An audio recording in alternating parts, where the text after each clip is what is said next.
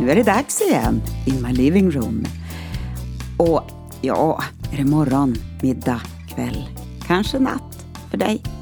Vem vet? Men du, det jag har att dela idag kanske gäller bara några få eller någon enstaka. Eller då är det ett ord som du behöver för framtiden. Eller så tar du det helt fel och kör ner i ett dike och har svårt att ta dig vidare. Hjärtligt välkommen till mitt program In My Living Room med mig, Eleonora Lahti.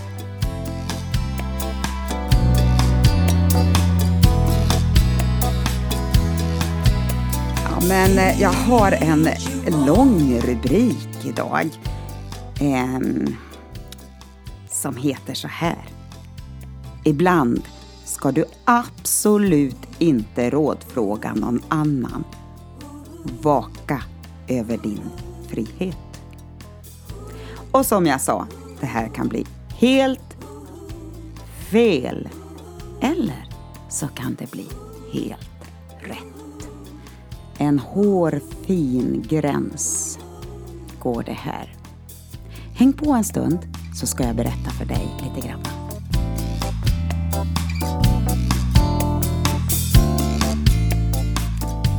Tänk att man alltid måste vaka över den frihet Gud vill att vi ska vandra i. Det är som en färskvara som ständigt måste få till sig nytt friskt syre. Östersjön har sista tiden fått nytt syrerikt vatten från Nordsjön och det är lika mycket som två gånger Vätterns vattenmängd. Och nu när jag läser det här så är det på vintern eh, som det här hände. Och blåsten har bland annat gjort det här och nu hoppas man på att det syrefattiga Östersjöbotten ska börja återhämta sig. Eftersom vattnet från Nordsjön är saltrikare och tyngre kommer det att lägga sig i botten på havet. Vi behöver också att det blåser in syrerikt andligt vatten i våra liv. För en utmaning av våra andliga flöden kan ställa till det på så många olika områden i livet. Häromdagen när jag var ute på min morgonpromenad lyssnade jag på Galaterbrevet i lurarna där Paulus förklarar vad friheten i Kristus innebär. Frihet från lag och synd och frihet att tjäna Gud.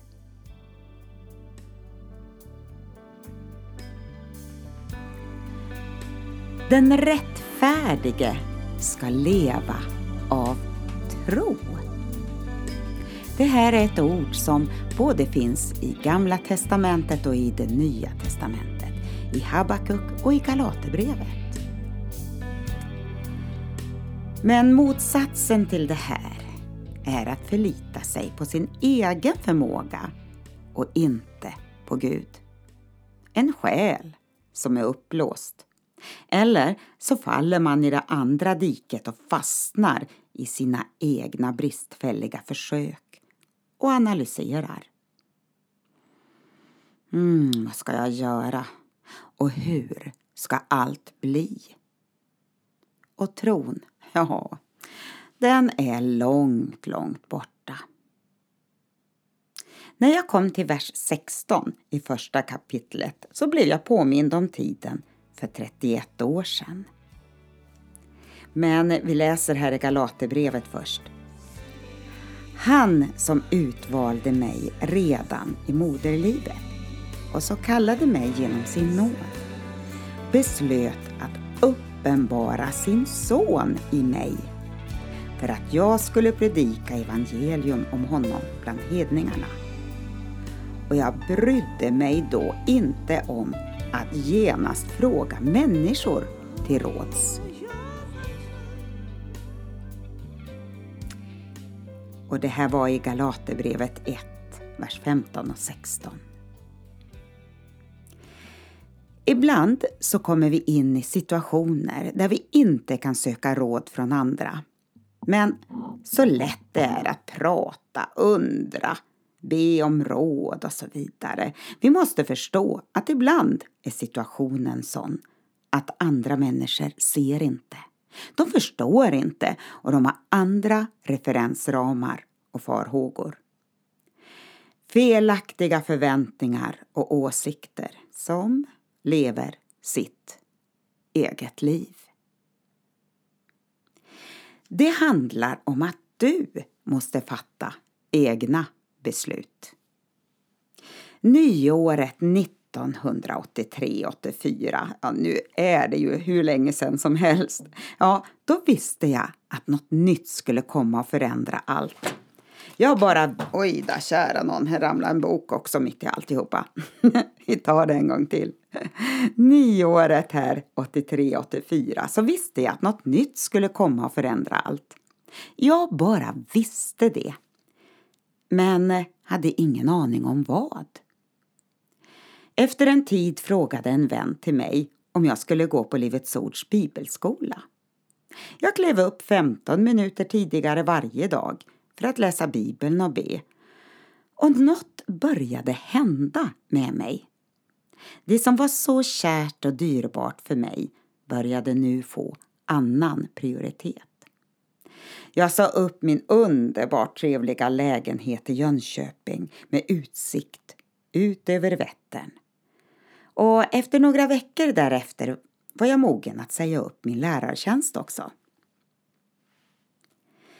Jag hade hört varningen inom mig som gjorde det möjligt att börja bibelskolan. Rådfråga inte någon. Ja, det här är inte ett råd bara hur som helst. Sonen, Jesus, måste bli uppenbarad i dig. Och det här är andligt. Galaterbrevet 4.29 säger Som det var då, att han som var född efter naturens ordning förföljde den som var född i kraft av anden. Så är det nu också. Ja, ständigt möter vi utmaningar. Om det inte är en parkeringsböter som vi blir upprörd och ledsen över kanske det är en jobbig förkylning som pågår. Själen får sig en törn och kroppen kan lida. Men vår ande? Ibland stöter vi på något som visserligen kan påverka vår själs känslor och kroppens välbefinnande, men som är någonting helt annat. Det finns en andlig verklighet. En god och en ond alltid i konflikt. Och vi hamnar i dess korsdrag emellanåt. Och vi reagerar. Men hur? Hebreerbrevet 4 och 12 säger Guds ord är levande och verksamt. Det är skarpare än något tvegat svärd och tränger igenom så att det skiljer själ och ande, led och märg och det är en domare över hjärtats uppsåt och tankar. Felaktiga föreställningar och bristfällig kunskap gör att vi, utan Guds ord, inte vet vad vi håller på med. Jag är helt övertygad om att flera av er som lyssnar på det här har något som du upplever talar till dig och som du ska handla på. Att prata med andra och rådfråga dem kan ibland bara ställa till det. Du lever i din andliga verklighet med förutsättningar Gud har satt upp för dig personligen. Den rättfärdige ska leva av tro. Och vi hämtar själva friskt syrerikt vatten från källan.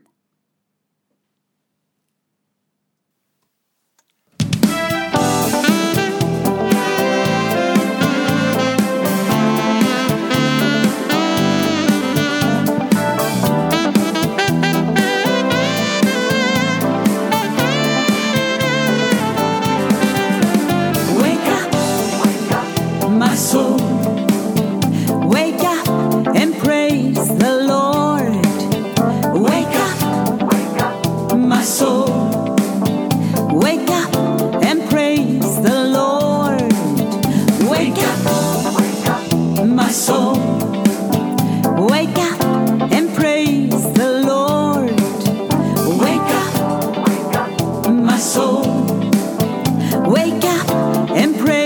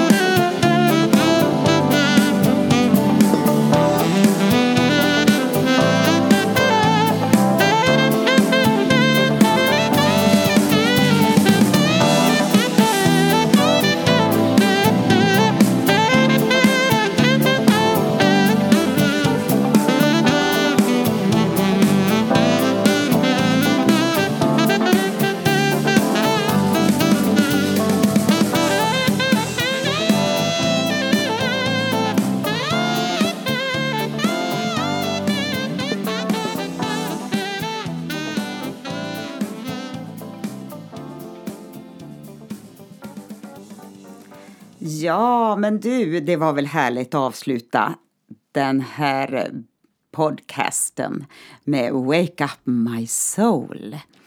Och du kan hitta min musik på bland annat Spotify. Mycket finns på Youtube också. Och eh, ja, why not? Ta och lyssna lite grann där också. Då så, då avslutar jag för idag. Och eh, den här eh, signaturmelodin, vad vi ska kalla den för. Den är hämtad ifrån en av mina låtar som heter eh, Förändringar. Och eh, det är väl det vi står mitt uppe i. Massor med förändringar, personligen och runt om oss i världen. Gud välsigne dig. Hej då.